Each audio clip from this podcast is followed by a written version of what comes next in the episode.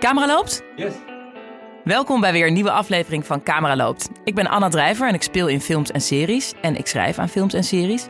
Ik praat graag met mijn gasten over hoe dingen tot stand zijn gekomen.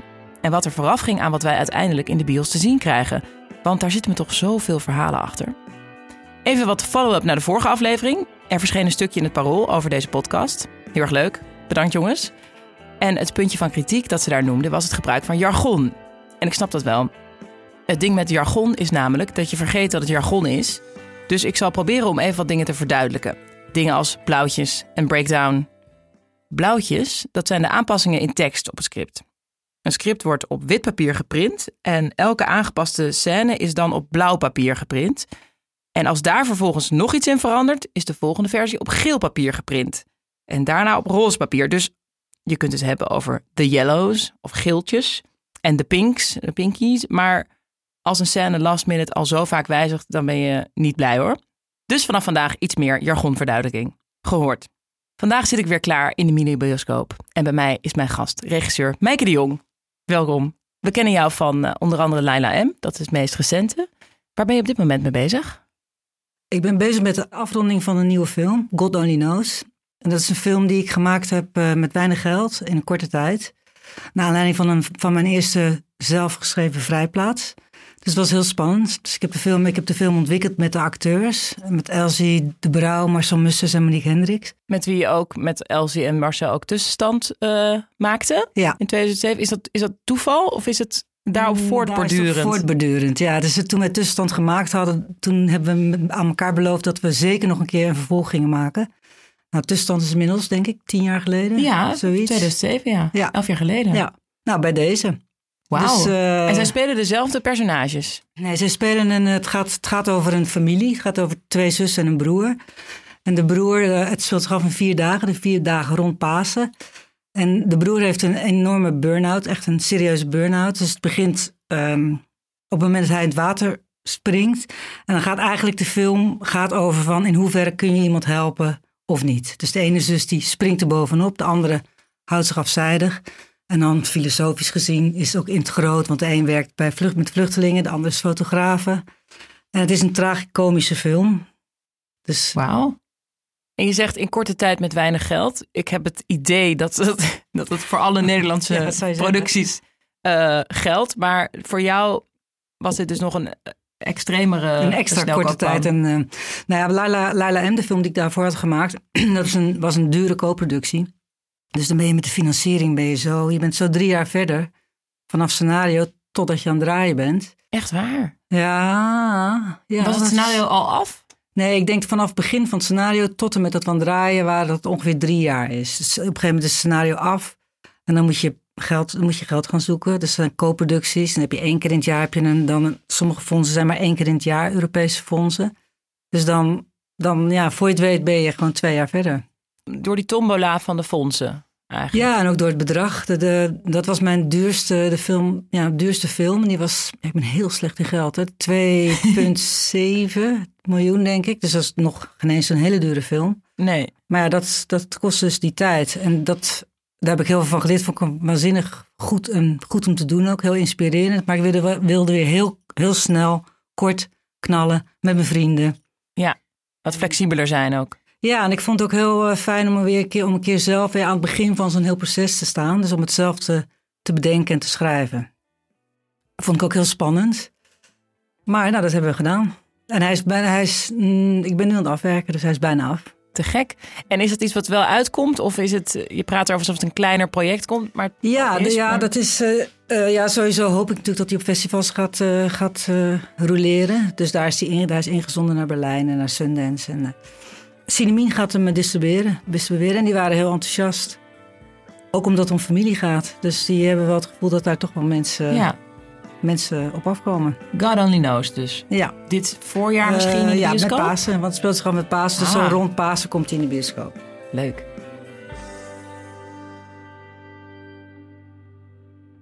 Nou, we hadden het al even over Laila M. Wel jouw uh, ja, grootste film, je zei het al. En het heeft heel veel uh, uh, weerslag gehad. Heel veel prijzen, heel veel uh, erkenning. En uh, naar de Oscar, door, gezien door de Oscars. De Oscar-comité in ieder geval. Jan Eilander is ook jouw man. Die heeft het geschreven. Ja. Hoe gaat dat schrijfproces in het allerbegin? Wie komt met een idee? Of is dat iets wat gezamenlijk ontstaat? Ehm, nou, we hebben meer dingen samen geschreven. In dit geval was het mijn, eh, was ik degene die met het idee kwam. En in het zusje van Katja bijvoorbeeld was hij degene die met het idee kwam. Dus dat wisselt.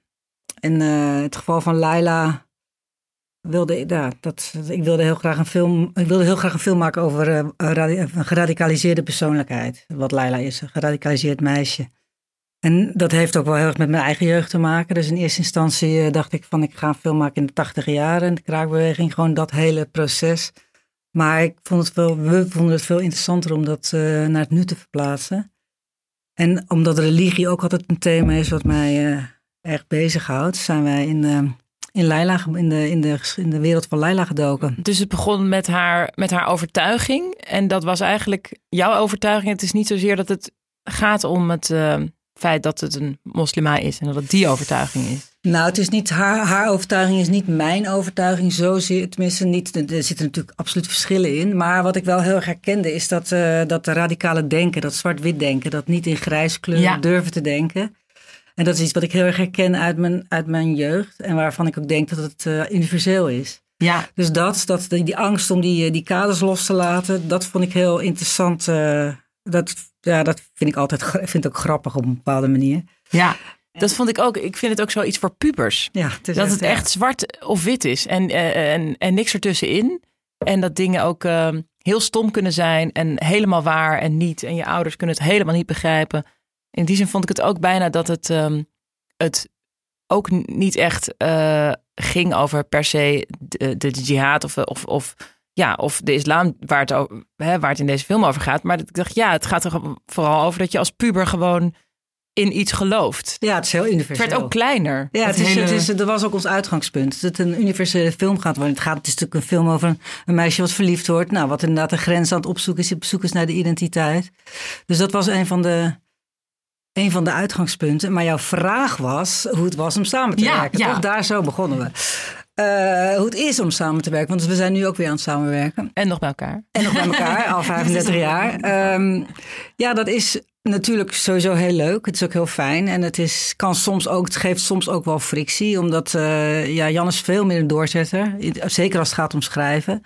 Bedoel je Dus- qua eh, gewoon discipline en, Discipline, en ja. stamina? Ja, Ja. ja. Ja, Dus hij kan, hij kan gewoon. En ik vind dat veel. Ik vind schrijven echt een hel, eigenlijk eerlijk Ja? gezegd. Ja, ik vind, ja, ik vind het gewoon heel ingewikkeld. Ik vind het zo. Ja, om dan echt te gaan zitten. En als je dan, als je eenmaal in de flow bent, dan. Dus ben je liever dat je tijdens een wandeling met hem wat ideeën oppert en praat erover? Ja. Ja. En dat je dan geen. Het uitwerken verder, dat vind je niet fijn. Eh, dat doet hij in principe. Ja. Tenminste, als wij samenwerken. Ik heb het voor God Only Knows heb ik het zelf moeten doen, want dat heb ik zelf geschreven. Maar in Lukte de, dat wel? Nou, dat was eh, behoorlijk pittig. pittig. En daar had ik dan ook nog weer de acteurs die mij dan eh, feedback gaven steeds. Dus ik schreef dan een stuk, en dan gingen we het erover hebben. En dan schreef ik weer, en dan gingen we wat improviseren. En dan schreef ik weer. Dus dat is zo'n beetje hakkelig, brokkelig tot stand gekomen. En vond je het makkelijk om die kritiek te.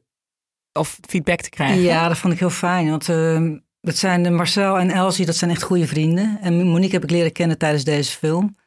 Ja, dat vind ik een heerlijke manier van werken, eerlijk gezegd. Ik vind het heerlijk om, ehm, nou ja, om, dat een, eh, om dan samen die karakters uit te zoeken. En ook op, ik, ik heb dat ook al op hun geschreven, omdat ik ze- Marcel en eh Elsie natuurlijk zo goed Ja. ken. Dus dat, ja, ik heb dat echt wel nodig. Ik vind echt, eh, ik ben ik, ik, zo eenzaam thuis zitten en dat dan allemaal zo achter mijn laptop. Dat, is, dat vind ik dus, nou, als zei ik al, vind ik een hel. En dat doe En je jouw wel, man kan dat, kan dat wel en die vindt dat goed. fijn. Ja, dat is echt een schrijver. En komt hij ehm, met meerdere versies naar jou toe? Hebben jullie lezingen? Hebben jullie gesprekken met elkaar voordat je dat met anderen deelt? Hoe moet ik me dat voorstellen? Ja, we hebben, we, hebben, we hebben gesprekken. En hij is wel iemand die het eerst, eerst wil hij het opschrijven en dan pas willen laten lezen. Ik wil eerst dan een beetje lekker brain- brainstormen en dan zit hij een beetje te knikken. Ja, hij wil eigenlijk. Dus dat geeft soms frictie. Dat hij zegt van doe eens mee. Of, eh, of eh, bij andere mensen ben je altijd veel actiever. Eh, Laat, eens, laat die hersens eens wapperen. Dat gebeurt. En ik zeg van ja, maar ja, jij laat, laat ook niks. Jij laat me ook niks lezen. Ik moet eerst zelf bedacht hebben. Dus dat. Maar dus in ons, ons geval van werk is het zo dat hij schrijft. En dan reageer ik daarop en dan gaan we brainstormen. En zoals gisteren zijn we bijvoorbeeld samen op research gegaan. Dat doen we ook heel veel. En waar is dat research voor? Uh, we gaan weer een vervolg maken op. Uh, we gaan niet weer, we gaan een vervolg maken op Laila M. Wauw. Of, ja. Uh, ja. En dat begint in de gevangenis. En dan, dan hoe het haar verder vergaat. En ze, opnieuw, ze moet weer helemaal opnieuw beginnen eigenlijk. Wauw. En ja. wat, wat deed jullie beslissen om een vervolg te maken? Want ik had ook allerlei vragen bij het einde van de film. Ja. En ik voelde ook ja, wat je soms kan hebben van laat, laten jullie me hiermee achter. Van ik wil weten hoe, hoe is het gesprek met de ouders. En ja. Uh, dit zijn geen spoilers mensen. Dit is gewoon, uh, uh, ze heeft ouders. Dat is geen spoiler. Maar al die dingen, wat, wat deed je beslissen om door te gaan? Nou, we waren er nog niet we waren nog niet klaar mee eigenlijk. En dat, en dat heeft met allerlei dingen te maken. Het heeft met onderwerpen te maken. Het heeft zeker ook met Nora Akelsoer te maken. De, de actrice en Ilias Adab, de, de stijl. Dus de actrice en acteur ja, die het spelen. Nora heeft ook een uh, gouden kalf gewonnen, onder andere daarvoor. Heel ja. veel uh, lof gekregen. Ja, en dat het nu ook... Uh, nou, je hebt nu recentelijk heb je Laura H. Dat is een, ja, ze is een bekeerling die teruggekomen is uit Syrië... en dan hier weer opnieuw haar leven moet, moet gaan invullen. Nou, en dat alles, um, ja, dat, dat, daar, daar wilden wij zelf meer van weten. En dat zijn ook wel universele dingen, maar het zijn ook met name dingen die als je hier geboren bent, maar je bent hier niet, je bent niet van Nederlandse afkomst, wat je dan allemaal, en je, en je maakt eens in je leven verkeerde keuze, wat Laila natuurlijk heeft gedaan, of wat dat voor consequenties heeft in je, in je dagelijks leven. En daar zijn er toch wel heel veel van. Dus ja, we zijn er nog, ik praat er nog een beetje vaag over omdat we er nog niet uit zijn. Maar ook de, ja, de samenleving nu, de polarisatie. Op een of andere manier moeten al die dingen, moeten daar weer een soort, moeten daar weer in terechtkomen. Maar het wordt ook weer een persoonlijke film, wat Laila ook is. Het gaat echt over Laila en hoe ze haar leven. Uh, het wordt geen sociologisch portret. Het wordt wel echt weer een film ja. over een meisje van twintig, wat in de gevangenis heeft gezeten, twee jaar vaak. En dan weer opnieuw moet beginnen met te leven. Wauw, echt te gek. En jullie zijn nu aan het researchen en dan begint het schrijfproces pas? Ja, ik ben meer van het researchen, want ik ben lekker onder de mensen. En uh, Jan is dus meer van dat bureau. Dus hij begint dat te schrijven. En dan ga ik, eigenlijk ga ik dan meestal uh, researchen. In dit geval hebben we het samen gedaan. En dat komt dan bij elkaar. En hoe zag dat voor Leila M eruit? Want er is ook gedraaid in een vluchtelingenkamp um, bijvoorbeeld. Ja. Hoe, maar hoe heb je dat gedaan? Waar is dat opgenomen? De scènes, we hebben de, uh, ik zal eventjes nog uh, het, het inleiden voor de mensen die de film niet gezien hebben. Uh, zonder spoilers. Um, er, ja, er draait een, een stuk in, in de film. Is het in, in Libanon? Nee, Jordanië. Jordanië. Ja. En zij komt ook terecht in, in zo'n enorm kamp. Zo'n kamp door onze deal van het opvangen in de regio. Dan denken wij, oh, dan is er minder migratie naar Europa. Hè. Er zijn daar enorme kampen waar wij echt, waarbij de Europese vluchtelingen eigenlijk verbleken in aantallen. Um, en daar hebben jullie gefilmd. Maar uh, mocht je daar ook echt in? Of hebben jullie iets nagebouwd? Hoe is dat gegaan? Uh, nou, we mochten daarin. En we waren, het was, dat was natuurlijk het grootste, de, de grootste uitdaging voor die productie. Van hoe gaan we het buitenlandse gedeelte opnemen? En in eerste instantie wilde Top Capi, de producent, die wilde het graag in Marokko opnemen. Dat had alles te maken met veiligheid. Want het Midden-Oosten is natuurlijk een, een gebied wat niet per definitie een heel veilig gebied is. En toen Tijdens, en ik wilde natuurlijk heel graag naar het Midden-Oosten, want ik wilde het gewoon allemaal echt. Ik wilde echt daar in uh, Jordanië op straat filmen. Ik wilde echt in een vluchtelingenkamp. Nou, de producent van dat gaat never nooit lukken. Is dat altijd wat jij, uh, wat je nastreeft? Ik vind een combinatie heel fijn. Ik vind dat heel fijn als je, als je acteurs hebt en non-acteurs. En dat, dat, ik vind dat het elkaar op een hele goede manier aansteekt. En ik vind het ook, voor zover mogelijk, vind ik het heel fijn om... Uh, nou ja, bijvoorbeeld zo'n vluchtelingenkamp of de straten van Jordanië, om dan niet uh, een heel blok af te zetten en dan alles te. Er is vaak geen geld voor natuurlijk, maar om dan. Zo aan klein... te kleden, uit te lichten. Uh... Nee, ik vind het mooier om dan zo klein mogelijk en zo inventief mogelijk, soms met verborgen camera's, dan uh, op de acteurs, de acteurs los te laten, zeg maar, in de, in de gewone wereld. Nou, dat hebben we dus bij Laila M. Uiteindelijk bleek het zelfs veiliger te zijn om in Jordanië te draaien dan in Marokko, omdat in Jordanië worden heel veel buitenlandse films opgenomen. Dus dat oh. is, uh, en, je hebt een, en het is natuurlijk wat veiligheidsdienst betreft een heel, een heel uh, ja, het is gewoon een heel veilig land. Het is heel Amerikaans eigenlijk op een bepaalde manier. Het is het veiligste Midden-Oostenland.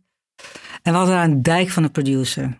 En uh, zij vond ook, ik, ik zei toen heel voorzichtig, ik zou zo heel graag met Kenneth Kamera willen draaien op de markt. En ik zou zo graag een echt vluchtelingenkamp willen draaien.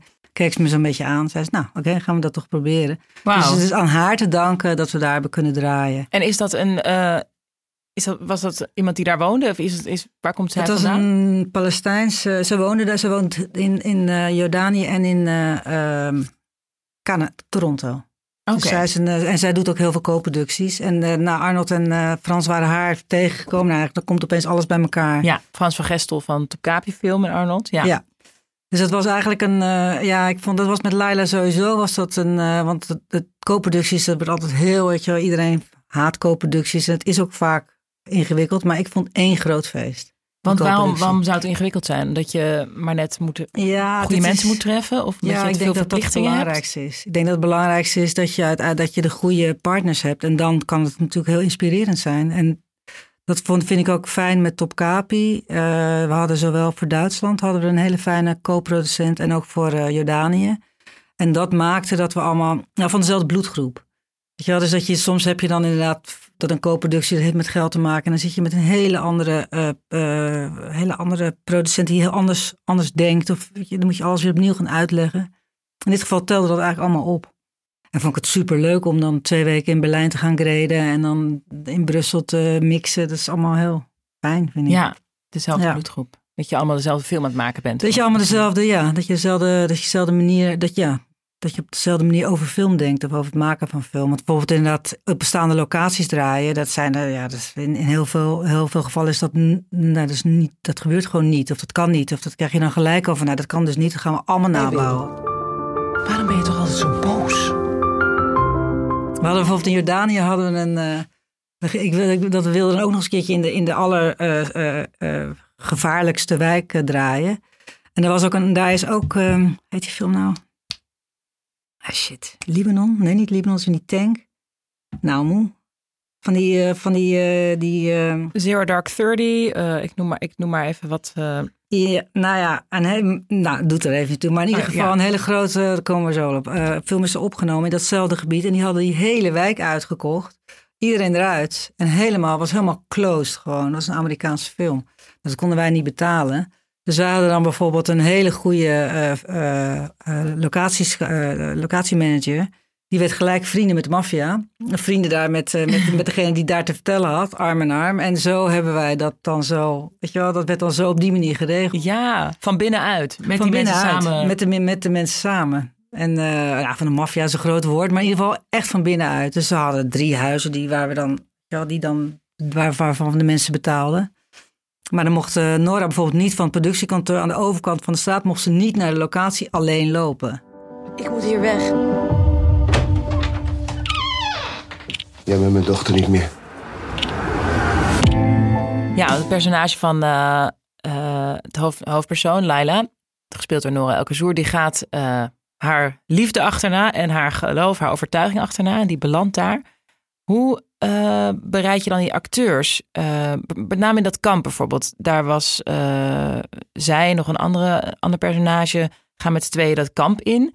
Eh, is het, ik kan me voorstellen dat het voor ja, gewoon een eh, Nederlandse actrice ook best heftig is om daar opeens tussen te lopen. Heb je daar Ja. goed met haar aan gewerkt van ehm, wat ze kan verwachten? Ja, ik denk dat dat eigenlijk, eh, dat is sowieso, maar in dit geval zeker, zeker als je, omdat zij natuurlijk niet een, een ervaren actrice was, dat, het- dat is eigenlijk een van de belangrijkste dingen die ik doe samen met de, met de acteurs, Dat de, de voorbereiding op de rol. En in dit geval, kijk, op zo'n vluchtelingenkamp, daar kan je natuurlijk alleen maar op voorbereiden door er heel veel over te praten, door de dingen, dingen te bekijken, door er lang te zijn, relatief lang te zijn. Dus ze had daar wel, ze was wel, van tevoren. Maar die hele rol, dus dat, eh, zij is zelfgelovig, zij is eh, moslima ook. Maar dat, dat radicaliseerde, geradicaliseerde geloof, dat moest ze zichzelf eigen maken. Ja, daar hebben we, daar hebben we maanden aan gewerkt eigenlijk. Dus we zijn, ik ben eerst met haar, de allereerste keer dat ik haar ontmoette, ben ik naar, met haar naar Bos en gegaan. heb je een salafistische boekhandel. Salafistisch, salafistisch is een, eh, een, eh, een con- conservatieve stroming van de, van de, van de islam. Zei, nou, ga maar kijken, zoek hier maar een boek uit. Ik was met een heel schattig boekje over dromen. Nou, toen zijn we dat gaan lezen samen. Toen zijn we daar rond gaan lopen in de buurt. We zijn naar de moskee gegaan. We zijn, eh, eh, maar we hebben ook bijvoorbeeld eh, samen gruwelijke filmpjes gekeken. Van die internet-jihadistische Ja. Onthoofdingsfilmpjes of, of... Nou, niet ontho Ja, één. Één hebben we er bekeken. Maar niet het... Nee, dat, En waarom vond je dat eh, belangrijk? Nee, dat heb, wacht even, moet even goed nadenken. Nee, we hebben, dat hebben we niet bekeken. Dat heb ik er pas... Maar dat hebben we wel heel goed besproken. Dat ze dat pas zou zien op het moment dat ze het te zien krijgt in de film. Wat een heel Oh. heftig moment is. Dus in die film is het ook de eerste keer dat ze dat kijkt. Dat ze dat kijkt. Maar we hebben wel het gedachtegoed. We zijn wel naar lezingen gegaan. We zijn naar het proces geweest van, het, van de contextgroep. Dus de jihadisten in de bunker. In, eh, dat was een proces van dagen. Daar zijn we geweest. Daar zijn die gewoon gaan zitten en Zou gewoon gaan zitten. kijken naar die En mensen. kijken. En eh, zij is... Is er een moment geweest voor haar dat ze het... Nou, ja, je- als acteur, eh, hè, je rol ge- kan je dat natuurlijk eigen maken. Maar is het... Zag ze de, de aantrekkingskracht? Voelde ze de aantrekkingskracht ervan? Van dat extreme Nou, wat er met name gebeurde bij ons drieën, ook Ilias en ook bij mij, is dat je, eh, dat is natuurlijk ook gebeurt, dat gebeurt ook als je zo trechter denkt, dan, dan, dan, dan focus je op alle ellende. Dus inderdaad, in dit geval was het heel veel uit Palestina, er zit ook een filmpje in de, in de film. Dus wat er gebeurde is dat haar woede werd, eh, werd aangewakkerd. En die van mij en die van Ilias ook. En zo radicaliseer je natuurlijk. Dus, Ja. dus dat, je, dat je kan begrijpen waarom mensen zo ver komen dat. En nou ja, Nora is heel slim, Ilias is heel slim. En dat is ook mijn taak, zeker in dit geval. Dat vond ik ook heel, heel heftig. Omdat, om de moeite woede op een gegeven moment ook weer deradicaliseren. En dat hebben we met, met z'n drieën gedaan. Dus die woede hebben we daar wel heel veel over gepraat. Van hoe dat dan zit. En, maar wat het ook eigenlijk ook teweeg brengt. Nou ja, dat was, ik vond het, eh, en Nora ook hoor. Nora en, en Ilias ook. Met name met het proces was Ilias ook helemaal... eh, ja, er zitten toch ook je broeders en je zussen. Zitten ook, je, het is, en er zit ook een familie, er een Marokkaanse familie voor ons met kleine kindjes en dan zijn moeder en, en al die jochies van 21. Het is gewoon heel heftig. En je zegt, je moet ook samen hè, dat weer ontzenuwen, deradicaliseren. Is dat na de productie? Hou je het een beetje eh, levend tijdens het filmen? En ga je, zorg je voor nazorg? Of wil je, was dat ook al tijdens het, tijdens het filmen? Nou, wat eigenlijk meestal gebeurt, en dat herken jij ook waarschijnlijk, is als je je in een rol verdiept, dan ga je gewoon mee met je personage. En dan ben je zo, als je personage tijdens de film, en dan op een gegeven moment bouwt dat weer af. Weet je wel, dus zo gaat het meestal toch? Als je dat, eh, Ja, dat is Dus zo was het en zo was het bij hen ook. En ik ben dan, omdat zij jong was, jong, en met name Nora jong was, dan, ik, dan is dat meer, dan geeft dat, ja, dat is meer grotere verantwoordelijkheid voor mij. Zeker met die, zoals bijvoorbeeld met eh Bluebird Case, die was, eh, die, die was en gehandicapt en ook heel jong. Dat, is dan, dat vergt dan veel meer nazorg. En Nora, eigenlijk al die, al die eh, uit mijn vorige films, Nora met name, die zie ik, zijn allemaal kinderen, worden allemaal kinderen gewoon. Ja, je, hebt je, dat heb ik wel heel over, groot, over, jou geho- heel groot gezin. over jou gehoord. Inderdaad, dat je ja, je echt een beetje als een moeder daarover ontfermt. Ook omdat je ook bijvoorbeeld daarna met hun naar een festival gaat. Of eh, dat je ook een beetje inderdaad als een moeder blijft eh, ontfermen over, over hen. Ja, ik weet niet of het moeder is, maar ik heb altijd, eh, dat verschilt natuurlijk, hè? ieder persoon is anders. Dus het is al, maar ik heb altijd, die band is zo intensief, dat, dat, is nooit, dat is, die is nooit over. Zoals Samira zie ik nooit meer van Joy, maar als ik die tegenkom, dan bang. Dat Ja. zijn, want dat je, ja, omdat voor mij zit daar echt de crux van mijn werk, is dat, dat, dat spelen. Ik ben heel erg op het, op het spel en op de, op de karakters en op de acteurs. Dus dat doen we echt samen. Dus dat, ja, dat schept de band. Ja. En hoe heftiger de film, je, hoe, eh, ja. Je hebt best wel, als ik ook zo ehm zit te kijken naar wat je, wat je maakt en wat je hebt gemaakt, heel veel eh, vrouwen, vrouwenrollen, meisjes ook wel. Zo'n beetje die kwetsbare leeftijd. En bij de een, of het nou 25 is of 15. Heel veel, ehm, eh, inderdaad, Bluebird is Elske Rotteveel volgens mij. Ja. eh, speelt daarin. Die kwetsbare tienerleeftijd. En eh, Joy gaat over een. ehm, Samira Maas speelt daar de hoofdrol in. Het gaat over ja, een weer een wat ouder, maar eh, ja, ook heel boze, boos karakter. Boze meisjes, allemaal Ja, boze meisjes. Allemaal boze meisjes. Ja, ja, ja. Ehm, Was ik op een gegeven moment ook echt klaar mee, hoor, met die boze meisjes. ja, Ja, was echt wel klaar mee. maar. Laila M is, heeft wel ook weer wat pit. Dus, dus, dus Ja, kennelijk maar- blijft het wel je voeden. Ja, maar grappig genoeg bij Laila, ehm, eh, die, eh, Nora is wel echt tegengecast. Kijk, dus, dus, in- Nora is, ja, vind ik echt een hartverwarmende persoonlijkheid. Of op een of andere manier. Dat is niet een, ze is wel best wel een grote mond, maar het is niet een, zoals Samira ook, zijn allemaal hartverwarmende, allemaal geweldige eh, personages, vind ik, of mensen. Maar die hebben echt zo'n dik scherm allemaal voor zich. En bij, bij, bij Lala is dat, eh, was ik wel bewust op zoek om niet weer dat, dat eh, weet je, een meisje met zo'n heel dik scherm voor de hart, om dat toch wat gevoeliger te maken en wat anders. Dus dat vind ik wel een ander, weer een ander personage. Ja. Ze is wel kwaad, maar weer anders kwaad. Weer een andere kleur. En hoe zoek je in die, waar let je op bij de casting? Bijvoorbeeld het proces voor, voor Laila M. Want je hebt heel vaak ook gewerkt met onervaren acteurs of mensen die zelfs eh, nog geen acteur waren tot Ja. aan jouw film. Ja. Ehm, hoe gaat dan die casting? Eh, nou ja, dat is net zo lang zoeken tot ik degene heb die het is. En dat kan soms 500 meisjes verder zijn. En soms is het er meteen. En eigenlijk ben ik zelf tijdens de casting ook nog aan het zoeken, denk ik. Ik zat, denk, toen ik hierheen fietste, dacht hoe, hoe zou je dat nou formuleren? Want ik dacht, dat komt natuurlijk. Het is denk ik zo dat je... ehm, ik zie onmiddellijk wanneer iemand het is. En dat is vaak ook iemand die dan zijn casting verpest. Of die stottert. Of die eh, heel verlegen is. Of wegloopt. Of whatever. Maar ik dat, denk shit, ja. En bij Nora ook bijvoorbeeld. Nora is heel vaak, Nora is heel vaak teruggekomen. Dat ze heel, heel eh, eh, zenuwachtig was. En toen dacht ik... En ik wilde... Ik dacht, ja, zij is het gewoon. Maar het, het kwam er niet uit. Dus, het is- toen dacht ik op een gegeven moment... Ik moet er, ik, eh, op dat split second, ze moet eigenlijk zingen. Want volgens mij kan ze dat heel goed. En toen had ik een liedje... Een, eh, een, eh Anachit heet dat. Dat is een... dat is een, een, een religieus eh, liedje had ik haar gegeven. Was toevallig haar lievelingsliedje van vroeger. Oh, is het ook een liedje wat in de film uiteindelijk Het zit? zit niet in de film. Want ze zingt wel een paar keer. Ze zingt in wel een paar keer. Ja. Eh, Ilias kende dat liedje toevallig ook. Zij ging staan, ze ging zingen. Ilias stond erachter. Nou, ik, we waren allemaal aan het huilen. Dus, weet je vaak gebeurde dan... Ik zoek gewoon net zo lang tot ik een soort van gekke ingang heb gevonden... als ik denk dat iemand het is. Want het is, casting is, vind ik het gewoon het allerbelangrijkste. Ja. En dat geldt natuurlijk voor, dat geldt niet voor, eh, voor, voor wat volwassen acteurs. Weet je wel, die ken ik meestal of daar ga ik mee praten. Of, dat is echt anders. ja.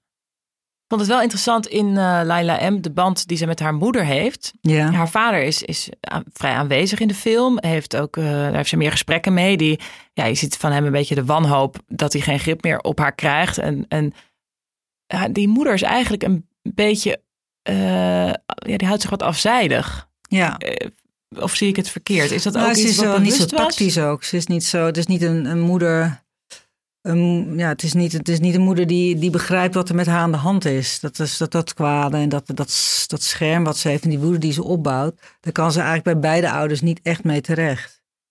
En, ze, die is- ouders zeggen ook de verkeerde dingen, dacht ik. Ik dacht, ja, dit is Ja, nou ze net niet... Ja, zij zeggen echt de verkeerde dingen. Maar dat, is, dat vind ik ook zo tragisch. Of dat was onze keuze voor het gezin van Laila. Dat die ouders eigenlijk heel zijn geassimileerde ouders. Hè. Hij heeft een, eh, een winkel in, eh, in moderne lampen. Een beetje juppenachtige winkel in Marokkaanse Ja. spulletjes. Ja. Het zijn gewoon hele, het zijn moderne mensen. En dat juist zij dan op zoek gaat naar haar, haar, naar haar roots en naar haar waarden. En dat die ouders hebben het beste met haar voor. Ik bedoel, zij, zij, het is een slim meisje, ze moet arts worden eigenlijk. Maar dan toch net niet de goede toon, net niet genoeg kijken en luisteren naar, naar Ja. haar. Waardoor ze zich toch heel eenzaam voelt. En op zoek gaat naar een nieuwe familie. Want Ja. dat is natuurlijk heel vaak zo. Het is, in het geval van het radicaliseren is het vaak een karakterding en, en de omgeving. Het, zijn, het is nooit hetzelfde verhaal, maar Maar ik herkende wel dingen die bijvoorbeeld ook gebeuren ehm, in dat contact verliezen met als een kindje, oh, een kind, eh, een puber, eh, bijvoorbeeld anorexia krijgt of ehm, met verkeerde vrienden omgaat of bijvoorbeeld heel veel drugs gaat doen en eh, of verliefd wordt op de gitarist van een bandje en daarmee Precies. gaat liften. ja, Eh, eigenlijk dacht ik, ah, dat zijn eigenlijk dezelfde voor. Het zijn dezelfde mechanismes. Ja. Dat was dus ook de reden waarom wij gekozen hadden voor een, eh, voor een modern geassimileerd gezin. Omdat het, dat, dat je als, als publiek ook zou kijken, of je nou wit, geel, zwart of whatever bent. Dat had mijn dochter kunnen zijn. Of dat had, we, dat, had, dat had ik kunnen zijn in het geval van de ouders. Ik had, het is precies wat je zegt. Ik bedoel, als je kind ontspoort op welke manier dan ook. Ga dat contact maar aan of probeer het maar aan te gaan. Ja. Dat is gewoon heel ingewikkeld. Dat hoorde ook heel vaak bij de, bij de nabesprekingen, ook van ouders die eh, zeiden van ja, zo heb ik het ook gedaan. En dat was echt niet de manier waarop ik dat had moeten doen. Of, Ouders van eh, ook moslimouders. ja, Oh ja. ja. Want je hebt het laten zien, je hebt het ook gekeken of je hebt nabesprekingen gehad met families van. ja, heel veel, heel veel in, eh, op scholen, maar ook met families. We hebben heel veel, veel met best wel veel gereisd. En nou, hij is ook in buurthuizen geweest en op festivals. En ook dit, dit soort speciale eh, vertoningen. En wat kreeg je dan terug van dat mensen eraan hadden? Wat, wat zagen ze erin? ook heel wisselend. Maar bijvoorbeeld, wat ik de allergrappigste was, was in België, was, uh, dat was een, uh, een, een bijna geheel, heel, helemaal zwarte school, dus Marokkaanse kinderen. En die zaten te kijken en een jongen die staat op en die zegt van, nou, ik vond het echt hartstikke mooi, vond van hartstikke goed. Maar waarom nou die seksscène? Dan hebben we het over de dansscène. Er zit een dansscène in, maar dat gaat eigenlijk al uh, te ver. Ja, waarom nou die seksscène? Want ik ook die film niet aan mijn vader laten zien. Er stond er een, een soort Laila stond erop. Ach mans, doe normaal, uh, grow up. Dat gebeurt gewoon hoor. Weet je, dus dat ze onderling ja. kregen ze dan die, uh, die discussies. Dus met name die Marokkaanse meiden, die met pittige, die pittige types, die en daar heeft het heel veel. Weet je, die zagen Leila ook als een soort van rolmodel. Ja, ja. Ja, het is heel wissel, maar er waren echt soms ontroerende bijeenkomsten. Mooi. Dus dat hadden ze er dan aan gehad. En anderen waren weer kwaad, een salafistische, uh, echt salafistische jongen, uh, met name mannen, die woedend wegliepen. Waarom? Vanwege die dansscène. Echt waar? Ja, en van, ja, van het feit dat Laila zich zo toonde. Want je mag je als vrouw überhaupt niet tonen. Dus, uh, of niet dus met zo. los haar ja. heeft ze ook in die scène. Ja, en ze wordt natuurlijk seizoenen. Maar, maar verwachten zij dan dat in een film die zij zien dat er. Geen... Ze willen gewoon sowieso niet dat er dit soort films worden gemaakt. Waarin een meisje, toch een, een feministisch meisje, op een bepaald moment een meisje met een eigen. eigen opstaat. Opstaat. En, en, ja. uh, en, en een plan smeten. En, ja, die, en ja. volwassen wordt, zeg maar. Ja. Maar dan denk ik wel dat je ze geraakt hebt, toch? Dat denk ik dan ook. Ik bedoel, je staat niet zomaar op. Want blijf je gewoon nee. zitten. Nee, woedend. Woedende reacties. En ook, nou, dat is heel wisselend. Woedende mannen met name, jongens. En dan uh, meisjes die er echt, die er echt uh, go Laila. En, uh, ja, wat um, Ilias, Ilias Adap, uh, ja. die had je al eerder gecast, dus begrijp ik dan uh, Nora? Ja, die ken ik via mijn zoon. Oh, je kent hem Dat is een vriend van mijn zoon, die heeft ook al daar gespeeld. Vond ik heb ik altijd al geweldig goed gevonden in welke kleine rol die, ook, die, die ook speelt. Dus dat was voor mij eigenlijk al gelijk dat ik dacht, die moet het zijn. Oh, ja. Ja. Dat, is, dat is fijn, ja. Um, die um, wordt ook in, in zijn rol wordt ook omvergeblazen door door de, door de pit die uh, Laila heeft. Ja. Ik kan me ook voorstellen dat dat misschien voor die jongens uh, moeilijk is. Dat zij niet, Ja. niet luistert naar hem Ja. en uh, niet doet wat haar, van haar verwacht wordt. Ja, ja, zeker. Dat speelt zeker mee. Ja. Ja, ze heeft wel heel veel pit inderdaad. En ja, nee. En, en hij, ik vond het ook wel, ik stond er ook al van te kijken. Hij is een soort, op een gegeven moment ook een beetje geïmplodeerd. Is het allemaal naar binnen toe? Het is ook niet een heel, ja, ik dacht ook, hoezo ze, vat ze daar nou op, weet je? Ja, bang, banger. Ja. ja, maar wij vonden het ook mooi omdat, om dat ook te laten zien. Omdat het, uh, het zijn natuurlijk allemaal, kijk, sowieso dit, dit soort verhalen zijn allemaal persoonlijke verhalen. En je hebt er duizend. Je hebt duizend van dit soort verhalen. En wij hebben natuurlijk gekozen als, als makers om dit verhaal te willen vertellen. En met name ook Ilias die dan um, ja, ook op zoek is naar zijn identiteit, naar een, naar een, naar een club, mensen waar die bij hoort. Maar gewoon eigenlijk ook bang. Veel banger is dan Laila. En dat vonden we ook mooi om dat te verhaal te vertellen. Omdat eigenlijk wat, een, wat er toen in de media was het voornamelijk Syrië bruiden. Weet je wel, of meisjes die achter een man aanlopen. Uh, dus wij wilden dat verhaal nuanceren en daar een andere kant van laten zien. Ja. En ouders die dan uit het uh, rechtstreeks uit het Rifgebergte komen. We wilden ook dit soort ouders laten zien. Om gewoon om, om, ja, om een wat ander genuanceerde beeld te, ja. te scheppen over nou, dat. En er zit wel zo'n soort uh, personage in. Uh, ze komt op een gegeven moment als ze afgereisd is uh, in een huis terecht. En daarnaast is een ander huis met een, een, een Duitse vrouw. Die daar wel echt ja. Ja, heel onderdanig zit. En ze is zwanger van de tweede baby. En er ligt al een baby. dus dat zit er ook wel in. Nou En daar schrikt Laila dan ook weer van. Eigenlijk zit er een aantal vrouwen in. Die vrouw zit erin. Laila, de moeder, de oma. Die vrouw, de vrouw met wie ze in het Syrische vluchtelingenkamp. Dus het zijn eigenlijk zo'n aantal uh, vrouwen uit, uit de, in dit geval dus de islamitische cultuur.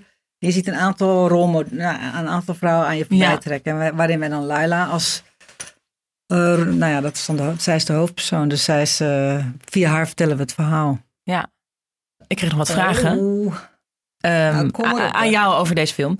Ik kreeg een vraag van uh, Beri Shalmashi. Die is ook, uh, dat is ook een filmmaakster, Ja. schrijfster, Ja. columnist, geloof ik ook. Um, ik heb nog met haar uh, op de universiteit in een werkgroepje gezeten toen wij media en cultuur deden. Wat was de, het belangrijkste gevolg van de film? Ik vond het echt geweldig wat er, wat er met deze films gebeurt. Um, Sowieso, de, de, tra- de trailer ging gelijk viral. En dan viral onder de Marokkaanse meiden met name. Dus hij, hij heeft in Pathé gedraaid, wat ik geweldig vond. Ja. Want dat was precies wat we wilden. Want filmhuizen is natuurlijk ook hartstikke fijn en mooi. En, en goed dat het er is. Maar juist deze film wilden we heel graag dat die doelgroep hem zag. En als, hij, als ze dan niet naar Pathé konden, gingen ze naar een, eh, naar een eh, filmhuis. Ze zeiden, "Zo, wat is dit? Woonkamer, worden hier films vertoond? Kreeg je dat? Dat is ook heel grappig. Dus ik kwam dus voor het eerst van hun leven in een eh, filmhuis. Dus dat vond ik heel fijn. Ehm, ik vond het heel fijn dat die film zoveel gereisd heeft. Heel veel gereisd. En bijvoorbeeld in ehm Les Arcs Festival is in, in de Alpen in eh, Frankrijk. En eh, daar werd hij vertoond op een school op, aan, aan, scholieren. Echt een Alpendorpje midden in de Alpen. En die hadden, nog, die hadden natuurlijk wel via, via de media hadden ze Nice en, en toen was Parijs volgens mij. ja, maar wonen daar überhaupt mos- moslims? Nee, nee, er waren allemaal blanken, waren allemaal eh, ja. gewoon boerenkinderen. Of boerenkinderen is een beetje, maar in ieder geval kwamen uit dat dorpje. En ehm, eh, die zagen dus voor het eerst, die hadden allemaal wel gehoord. Want volgens mij was het net Nice geweest. Nou, maar in ieder geval Parijs nog niet. Nou, en die hadden dat wel gehoord, maar die hadden nog nooit zo'n soort verhaal gezien. Dus die waren echt totaal. eh, ja, dat was de eerste keer dat ze een, een, een verhaal van een moslimmeisje van zo dichtbij zagen. Wat ook zo raakt aan hun eigen leven. Ja, want ze doet Dus ook juist- gewoon examen. Ze zit ook Ja, gewoon op school. Het is gewoon, ja, het is gewoon natuurlijk een Nederlands, het is gewoon een Nederlands, eh, Nederlands meisje, in Nederland opgegroeid. Dus die, dat, dat, dat, weet je, dat beetje mixen tussen die, eh, tussen die culturen vond ik heel bijzonder. En dat gebeurde toch wel een aantal keer. En bijvoorbeeld in Marokko hadden we een eh, vertoning. En er waren ook allemaal meisjes uit Casablanca van de universiteit. En dan mocht ik geen nagesprek houden. Vond ik heel stom. Ik denk, ja, ik ben hier. Dus toen ben ik in de hal gaan staan. Samen met de editor, die was er ook bij. Is dat ehm Dorrit Vinken toevallig? Ja. Door het vinken. Ze, kom, kom, eh, als je wat wil weten, nou, al die meiden om ons, of al die, die kinderen om ons heen, in de bus, wij mee in de bus, door, Maro- door eh Marrakesh rijden en dan zo zo'n Q&A gedaan. En, en Weet je, durfde allemaal- vragen aan jou te stellen. Ja, heel veel. Maar Ja? ze, het- ze waren heel benieuwd, maar wij mochten geen Q&A, er was gewoon geen ruimte voor. Dus toen zijn we gewoon met hun meegegaan naar een hotel in die bus en hebben we daar het Q&A gedaan. Dus allemaal van dat soort... eh, ja, dus hij heeft, eh, en hij heeft ook best, eh, hij heeft ook goed gelopen in Nederland. Dus dat was ook, dat moest ook, want het was een crossover en dat heeft hij gehaald. Dus dat, weet je, dat zijn allemaal hele Wat is dan daar de target voor? voor eh, 50, 50.000. 50.000. Ja, dat is, voor zo'n film is dat echt veel. Ja, Ja, want jouw films zijn niet, staan niet bekend als publieksfilms. nee. Wat je eerder maakt is vaak arthouse, Ja. eh, filmhuisfilms. ja, en dan kom je ze 20, hoogste 20, tussen de 20 en de 30 uit. Dus eh, ja. Dat vroeg mijn, eh, mijn huisgenoot Benja. Die vroeg zich af ehm, hoe jij de, de uitdaging... vind- zou je het een uitdaging vinden om echt een publieksfilm te maken? Denk je wel eens zo? Ehm, nou, ik zou het, ja, ik, ja, ik wil natuurlijk sowieso dat dat wat ik maak, dat daar zoveel mogelijk mensen op afkomen. Dat sowieso. En dus, maar ehm, dat vond ik bij Laila dus heel leuk. Dat was een crossover. Dat was daar, voor, eh, daar hebben we het geld van gekregen. Dus moesten wij in onze idioom, moesten we dingen. eh, voor- mij is dat een heel is dat heel publieksvriendelijk verteld. Zowel in het, eh, in het scenario als in de cameravoering. Dus het is, heel, het is, het is vrij klassiek gedecoupeerd. is weer een vakterm. Maar in ieder geval is je ja, de decoupage, dat is inderdaad wel... Dat wilde ik ook nog vragen. Jouw decoupage is vrij... eh nou, decoupage is dus, voor het inderdaad het jargon... ehm, eigenlijk de shotindeling. Dus waar staat de camera en op welke mo- momenten kies je voor verschillende eh kadreringen eigenlijk. En dat bepaal je van tevoren met je cameraman. Heb je dit met jouw vaste eh cameraman Nee. gedraaid? Nee, dat was met een Belgische cameraman. Den, Danny Elsen. Danny Elsen, ja, Ja, daar heb ik je. mee gedraaid. Ja, precies. Ja. De camera zit als het ware op haar gezicht geplakt, de hele film, lijkt wel. Ja, maar dat, ik, eh, kijk, normaal, of normaal, niks is normaal. Want ik vind iedere film is weer heel anders. Maar wat ik heel mooi vind, is dingen weglaten. Ik zou het liefst alles bijvoorbeeld op jouw neus willen vertellen, een hele scène, noem maar wat. Of op je mooie, of op je mooie mond. Noem- Weet je, dus dat je het, dat je, dat je zo eh, ontwerpen we vaak de scènes. Terwijl, eh, dat vind ik zelf heel mooi. Maar daar, daar minimaliseer je wel je publiek mee. Dat is gewoon een heel specifieke manier van, specifieke manier van kijken. Terwijl bij Laila hebben we eh, klassiek shot op Laila en dan een tegenshot op Abdel bijvoorbeeld. Dus nou ja, weet je, dat je, waardoor je wat open, opener vertelt. Dus jij hebt daar ook wel bewuste keuze voor gemaakt Ja. en eh, daardoor voor een breder publiek. ja, en ook veel minder een observerende camera. Dus eh, veel meer de vooruit of, of, of inderdaad shot tegen shot. Dus, dus dit is een observerende camera of op het achterhoofd. Of, ja, dat zijn allemaal keuzes die, eh, Ja, die ik heel mooi vind. Maar in dit geval hebben we echt ons best gedaan om het, eh, om het wat opener te vertellen. En dat vond ik echt een uitdaging. Vond ik ook heel leuk om te doen. Zonder je eigen handtekening te verliezen Ja, of je eigen ja. smaak. Dat is de vraag van Benja dan. Dat, dat ik zou natuurlijk heel... Ja, ik denk... Kijk, mijn smaak is, is gewoon niet voor een heel groot publiek, denk ik. Ze zoeken nog iemand voor Gooise Vrouwen 3. Nee. Ik heb ook daar een hele leuke film voor zijn vrouw. Nee, maar niet zozeer dat ik het niet mooi vind, maar het is iets wat ik niet kan maken. Ik ben te heel erg van de subtekst, ben heel erg van het rafelige, rafelige spel of heel erg... Ja, en ik denk dat het vindt iedereen mooi, natuurlijk, omdat ik het zelf mooi vind. Ja. Maar dat is, blijkt, blijkt nu, onder, dat blijkt toch niet helemaal het geval te zijn. Dus ehm, ja, ik zou het graag willen, maar als ik dan zoveel concert... Ik, moet het, nou, ja, ik zou het heel graag willen, maar ik moet het zelf gewoon mooi blijven vinden. Ja. En ik vind het helemaal niet erg om... Ik vind het heel leuk om met dingen te experimenteren... waardoor het publiek groter zou worden. Maar het moet wel echt bij mij blijven passen.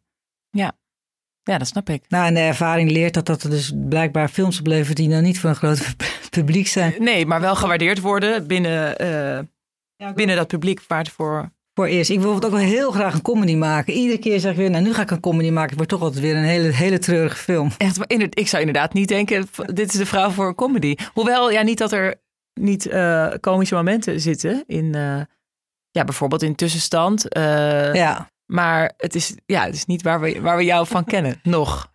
Nee, maar dat zou ik heel graag. eh, ik, ik vind bijvoorbeeld, nou, comedy, wat zou ik, nou, FF vind ik heel leuk. Vond ik vroeger heel leuk. Maar het is natuurlijk ook niet geen dijenkletser, maar ik zou het heel leuk vinden om. eh, bij God Only Knows heb ik het geprobeerd ook. En dat is echt wel tragicomisch geworden. Ja, ik kijk zelf, daar wel hè. naar uit. Ja, en dan ik heb je ook wel de acteurs ernaar. Want Marcia Musters heeft ook, is, kan ook zo ongelooflijk grappig zijn. Of Ja. sneu grappig. Of ja, ik denk Ja, aan zijn rol in, in Hertenkamp vroeger. ja. Dan was hij de puppy Lance. Speelde hij ambulancebroeder. Ja. Hertenkamp is een geweldig. serie van de VPRO vroeger. Met eh filmmakers van de Mug met de Gouden Tand.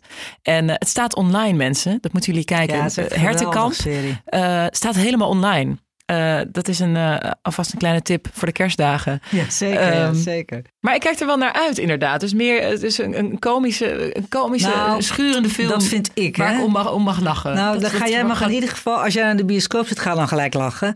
Want ik vind het dus heel, vind het, ja, het is, nou ja, nogmaals, tragicomisch. Dus het is het, eh, je kijkt naar een schaamteloze familiesituatie. Twee zussen en een broer die echt schaamteloos met elkaar omgaan. Nou, ik vind dat vrij grappig. Maar er, er zijn dus ook mensen die dan, die, want het begint met een, hij springt in het water, daar begint de film mee. Maar dan gooit hij wel zijn telefoon en zijn sleutels aan de kant. Dat Ja. vind ik dus al grappig. Ja. Of dan weet Ja. je, dat is dan een code. Dan weet je van ja, hij wil, hij is wanhopig in paniek, maar hij heeft ook gewoon aandacht nodig. Ja. Maar ja, als je, als je er op een andere manier naar kijkt, zijn ook mensen die het heel zwaar vinden. Dus we proberen, ik probeer natuurlijk in alles, want ik wil niet dat het. Dus als je dan niet durft te lachen, dat snap ik ook, wel, dan durf je niet te lachen, want je weet niet wat de code is. Dus heel fijn bij de viewingen zaten er soms mensen bij die gelijk daar begonnen te lachen. Denk, nou, nou is het ijs gebroken, ja. nu durft ja, dat iedereen. heb je wel eens. Hè? Ook in een zaal, als je iets kijkt op de bioscoop, dan, ja, als, dan ja, soms mag het niet. Precies. Of soms mag het juist wel. Dan denk ik ook, oh, nu zijn we wel heel erg... Dit is volgens mij niet, niet grappig bedoeld. Ja, maar dat, je er met elkaar iets zo... Er ontstaat een soort code altijd. ja, ja. Leuk. Ja, je hebt ook de filmadaptatie gedaan van Kunsthart. Een stuk van eh De Mug met Gouden Tand van Nathan Vecht. En jij hebt daar de, een, een kortere filmversie van gemaakt. En ik vond het heel anders dan wat jij eerder gemaakt hebt. Hoe beviel dat? Ja, dat vond ik echt super leuk om te doen. Dat zijn nou echt van die dingen. Dat, dat, eh, ik vond het sowieso een hele mooie voorstelling. En de drie geweldige acteurs. En dat was een feestje. Zij kenden gewoon, zij hadden die voorstelling al gedaan. Zij kenden de, de tekst natuurlijk gewoon helemaal. Ze kenden de voorstelling van binnen en van buiten. En om dat dan eh, eh, te verfilmen, dus daar film van te maken. Dus een net iets rafeliger, maar ook de tekst. Want het, eh, in het toneel en zeker ook in dit stuk ging het echt om de tekst. Dat was de, en om dat dan met die goede acteurs eh, samen te maken, ja, dat vind ik gewoon heel leuk. Want dan kan je gelijk, eh, je kan gelijk heel hoog, je begint gewoon heel hoog. Je hele repetitieproces is al geweest. Is al geweest. We, Ja. hebben, we hebben voor die. En eh, zij, dat, nou, ze, het is het enige wat we hoefden te doen, is die personages van theater naar film om te, om te zetten. Want ehm, het ging over een, eh, een, een, gebeurtenis bij de Koningsvaart. Ehm, daar ging eh, Armin van Buren optreden met het Metropoolorkest. En eh, wij waren, ja, ik zag dat ook op tv. En, en iedereen dacht, nou, nu gaat het komen. Maar het bleek dus dat het knopje van Armin Buren alleen op zijn eigen koptelefoon zat, toch? Ja, het was een enorme blunder natuurlijk. Giga blunder. En het werd ook nog eens een keertje uitgespeeld in de wereld eruit door. Matthijs begon er nog over. En dat gegeven heeft Nathan toen uh, gebruikt om dat uit te vergroten. En daar heeft hij zijn eigen verhaal omheen gemaakt. Dus wat de film gaat over de, de dirigent die het in eerste instantie zou doen. En het dan geweigerd heeft. En ja, dan heeft uiteindelijk, zo is het dan in het stuk, heeft zijn, de vrouw van, uh, van Armin van Buren, die is het daarmee eens en heeft het knopje dan verkeerd gezet. Dat is een beetje het idee van het stuk. Ja. Maar het is natuurlijk helemaal uitvergroot. Heel erg leuk. En Guy Clement speelt dus de dirigent, maar ook zijn vrouw. Dat vond ik ook. Heel nou, dat was gedaan, dan ja. heel, heel erg uh, uh, de vraag. Want de VPRO wilde in eerste instantie niet dat hij die dubbelrol speelde. Want het is voor theater natuurlijk heel mooi. Maar zij dachten niet dat dat zou werken voor film. Echt waar? Ja. Ik, nou, ik vond hem zo aannemelijk. Ja, ik, eh, vond het ook heel. En dat was voor ons natuurlijk weer de grote uitdaging van hoe, in hoever kun je gaan, voor, nou, omdat je het voor, voor, voor televisie was dit. In hoeverre kun je gaan met het medium en dan toch die dubbelrol. En het is toch uh, een soort van realistisch. Nou, het is natuurlijk niet helemaal, het is niet realistisch. Het is, uh, hoe zeg je dat? Nou, het is. ja, het is wel gestileerd. Gecomprimeerd, gecomprimeerd ja. realisme. Het is gestileerd, het dialoog ook. En hoe kan je zo'n dubbelrol accepteren dat dan? Ja, ik vind van wel. Ik vond het heel leuk. Ja, ik vond het ook. Ja, ja Anna van Lunteren spe speelt een... Uh, ja, die, die moet bemiddelen in dit. En uh, Sigersloot wil eigenlijk deze, de deal maken met deze uh, ja. vrij gesloten, gedistingeerde dirigent. het was niet een vraag, maar wel een reactie die ik je toch, er toch even bij wil halen. Omdat ik het heel mooi vond. Het is van iemand die ik, die ik zelf ook ken. Waar ik ook mee heb mogen werken. Farah uh, Farah Abdi, die is een, uh, een uh, assistant director en heeft ook aan Leila M gewerkt. En um, nou, ik wil even toch even zeggen hoe hij dat vond met jou.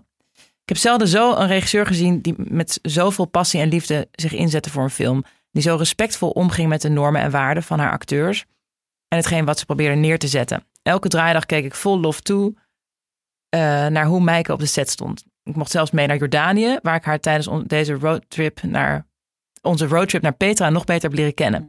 Wat een mooi mens en wat een geweldige ervaring om samen te delen. Mike is een mensenmens en ik denk dat het best wel belangrijk is als je een film zoals Laila M gaat maken. Maar bij elke film eigenlijk wel. Dat uh, snap ik ook dat hij dat toevoegt, maar um, lief. ik denk het ook. Um, Helemaal wederzijds. Ik vond het ook geweldig om met Farah te werken. Ja, ja was echt hij was hier uh, third AD of um, second. Second AD, ja. Hij was set ook en hij uh, nee third, hij was set. Sorry, ja. ja. En uh, hij oh was ja, ook AD, dat is misschien ook weer jargon. Assistant director is op eigenlijk de first AD is de opnameleider en um, dan een third AD. Dat is eigenlijk de persoon die vooral de acteurs in, die, in de planning van de opnameleider reguleert en zorgt dat alles loopt. Ja, en daar was hij natuurlijk geweldig in, ook omdat hij Arabisch sprak. En hij Ja. was, het was echt heel, was heel fijn dat hij erbij was. Ja, wat lief zeg. Hm. Ehm, heb je veel aan het einde van Laila M veranderd? Of is dat al heel lang, was dat hoe je wilde eindigen? Ik wel. En gek genoeg in eerste instantie de, eh, de Frans, de producent en eh, Jan, die, hadden, die wilden eigenlijk in Jordanië eindigen. En ik wilde per se dat einde. Eh, omdat ik ook vond dat wij zelf, dat, dat geeft, dat einde is ook dat wij zelf ook min of meer verantwoordelijk zijn voor, dat, voor, voor de wereld waarin we leven. Vind ik dat dat impliciet in dat einde zit. Ja, En ehm, dus eh, ik ben ook heel blij dat we dat ook gewoon, eh, dat we het gedraaid hebben. Ik vind het ook prachtig. Het is ook heel mooi, vind ik. ja. Ja, dat is te veel spoiler. Ik ga niet precies het einde vertellen, jongens. Dan moet iedereen maar de film kijken. Eh, je kunt hem, als je hem gemist hebt in de bioscoop, trouwens ook online kijken bij Apple Movies of bij Pathé Thuis. Daar is die allemaal te vinden. Want wat jij ook zei, dat je dan eh, dat je met zoveel vragen achterblijft. Maar ik vind het mooi. Ik vind het, eh, dat het einde is, vind ik wel heel duidelijk, maar het is wel open einde. En, het, en het, daardoor moet je er, of jij moet niks, maar kan je erover na blijven denken en kan je er ook over praten. En dat gebeurde tijdens de Q&A's ook, weet je wel. Want wat is er met er gebeurd? Hoe? Nou ja, gewoon alle Ja. vragen die dan bij jou opkomen. Ja, dat het is niet helemaal eh, rond in die zin. Dus Het voelt niet gesloten als, Nee. een, eh, als een cirkeltje. Jij bent zo ontzettend dwingend. Toen ik tussenstand in de bioscoop zag, ja, elf jaar geleden, ja, ehm, was ik helemaal eh, we- weggeblazen door de edit van een scène. En nou, dat dat heb je vaak niet bewust eigenlijk. Bij montage, dat is iets wat je nou precies onbewust meemaakt altijd. Daar zit een gesprek in, een dialoog tussen uh, personages van Marcel Musters en Elsie de Brouw. Ze spelen uh, in de film een, een, een, stel en ze hebben een zoon, gespeeld door Stijn Komen. En dat, hun relatie zit vast, het gaat niet goed.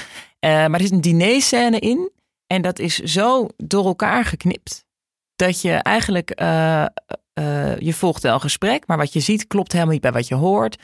Maar bij mij raakt het heel erg aan hoe je echt zo'n avond beleeft. Een etentje met wijn. En je weet niet precies wanneer, wie in je herinnering. Uh, hoe ontstaat zoiets? Is dat iets wat jij met je vaste... Want je hebt een vaste editor met Dorit Vinken. Werk je vaak met haar? Of? Ja, daar heb ik eigenlijk alles mee gedaan. Behalve, ik heb met Menne Boerema gewerkt op de filmacademie. En daarna ben ik met haar gaan werken. En dat doen we nog steeds. En, en is dit iets wat vanuit haar komt? Maakt zij uh, een, een um, eerste versie en zie jij dat? Of Nee, dit hebben we wel samen bedacht. Nu, nu maakt ze ook vaak een eerste versie, maar dat was toen nog niet. Toen hebben we dat echt samen uitgevonden, omdat in eerste instantie was mijn idee dat je, uh, dat je de scène helemaal zou zien en dat je dan de ruis die erin zit, omdat we natuurlijk, uh, het is een soort geleide improvisatie, dus we hadden wel een script, maar nou, dat is een ander verhaal. Maar de ruis die erin zit, dat je daar dan een, uh, een, ehm, een monoloog interieur onder zou zetten. Snap je? Dus dan zit je te kijken en dan hoor je, dan draai je, het, dan draai je de dialoog weg. Ja, en dan, hoor je, de... in het hoofd van een acteur die daarover nadenkt. Precies. Ja. Maar wat er dan gebeurt is, ik heb, je kijkhouding verandert dan heel erg. Want dan is het, het was wel grappig, was grappiger misschien. Maar je bent niet meer gefocust op ieder spiertje in het gezicht. Want je gaat gewoon ook... Naar iets anders luisteren. Naar iets anders luisteren.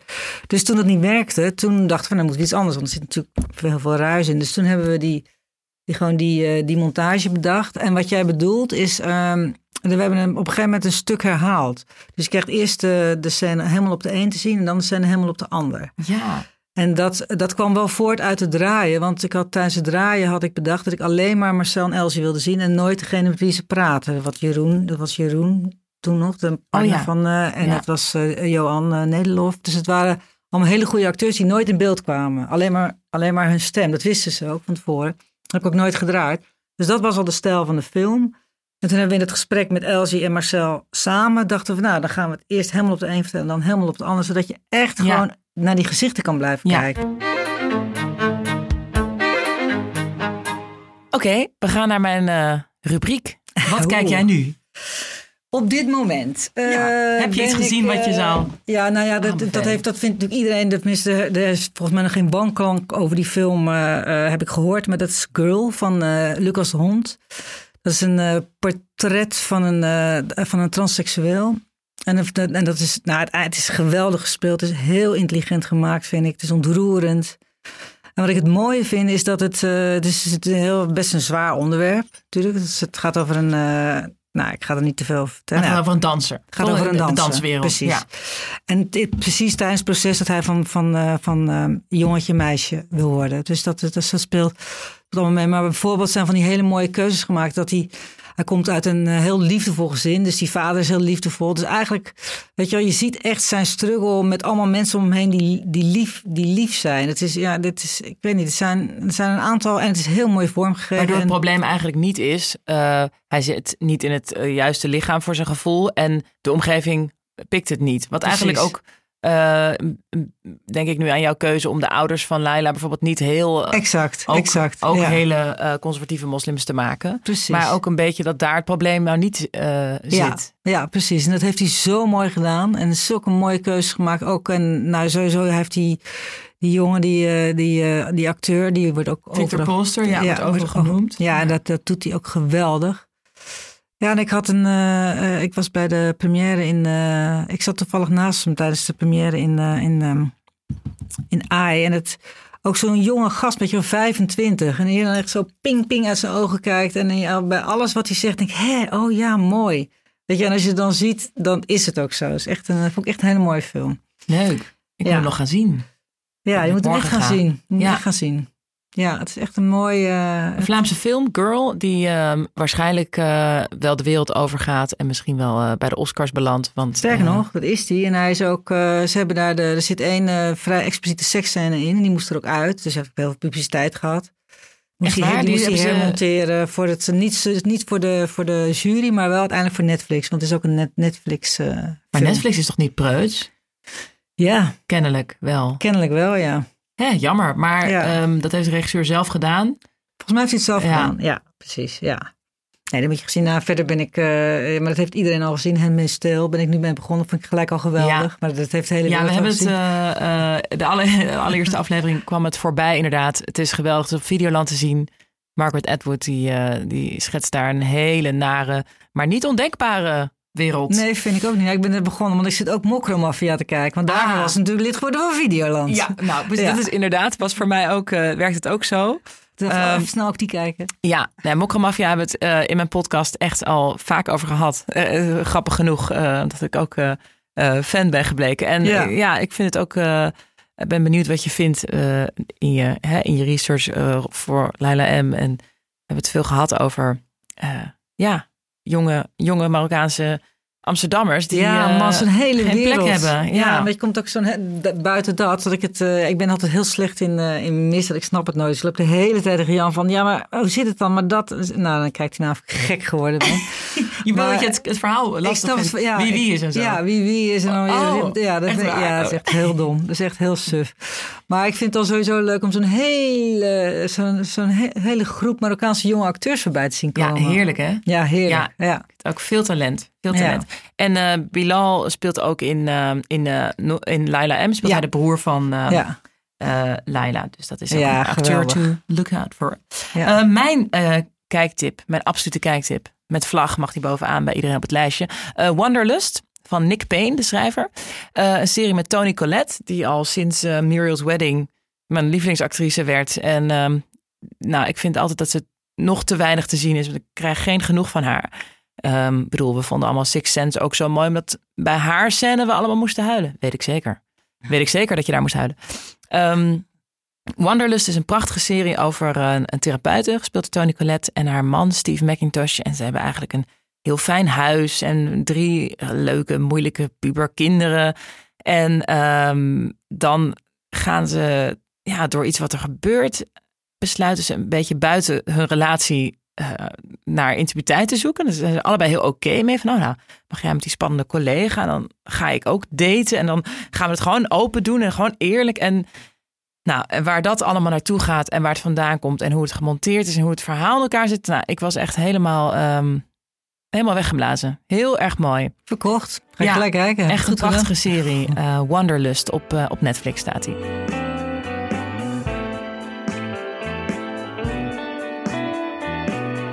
Dankjewel, Maaike de Jong, voor je gesprek. Graag gedaan. Nog steeds niet uitgepraat, dus eh, ik heb heel veel, door, ja, heel veel gehoord en geleerd. Dankjewel. Volgende keer zijn we terug en ik beloof jullie ook één hele podcast over costume design. Eindelijk gaan we het hebben over kleding, kostuum, hoe je het ook wil noemen. Maar eigenlijk een heel groot deel van alle personages die we rond zien lopen. En daar praat ik mee met de sleutelfiguren uit de wereld. Vragen kan je aan mij twitteren, Anna Drijver, of op Instagram sturen. Dankjewel voor het luisteren naar Camera Loopt. Dankjewel Volkert Koelhoorn en Dag en Nacht Media. Tot de volgende keer. En we zijn gestopt.